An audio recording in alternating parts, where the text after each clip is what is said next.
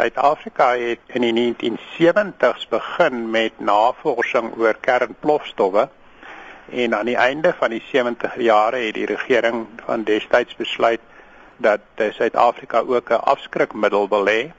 Die doel was maar meer vir politieke afskrikking as militêre afskrikking en uh, vir die doel is daartoe 'n kernwapenprogram besluit. In die 1980s het Suid-Afrika toe die uh, program onderneem en ons het in totaal uh, sewe kernwapens vervaardig in die 1980s en die doel daarvan was maar as 'n soort van 'n onderhandelings gereedskapstuk wat jy kon gebruik. Toe uiteindelik is daar besluit om die die kernwapenprogram tot 'n einde te bring. Hoekom is daardie besluit geneem? Dit was 'n politieke besluit wat deur die regering van destyds geneem is.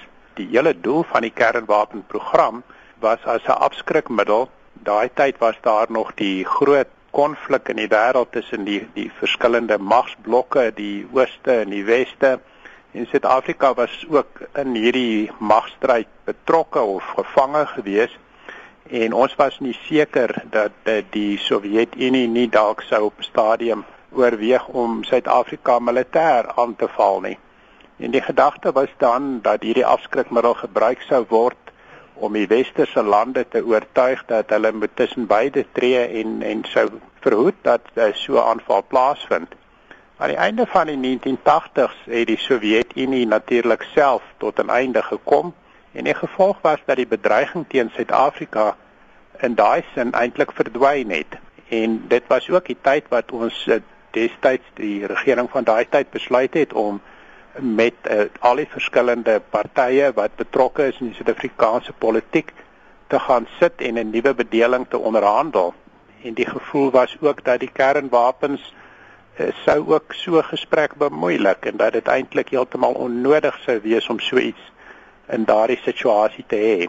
As ons nou dink aan die internasionale beraad wat in Suid-Korea aan die gang is, is u verbaas daaroor dat kernwapen besit nog steeds so hoog op die internasionale agenda is? Die groot vrese in die wêreld tans is dat kernwapens in die hande van onverantwoordelike partye, terroriste organisasies byvoorbeeld kan beland.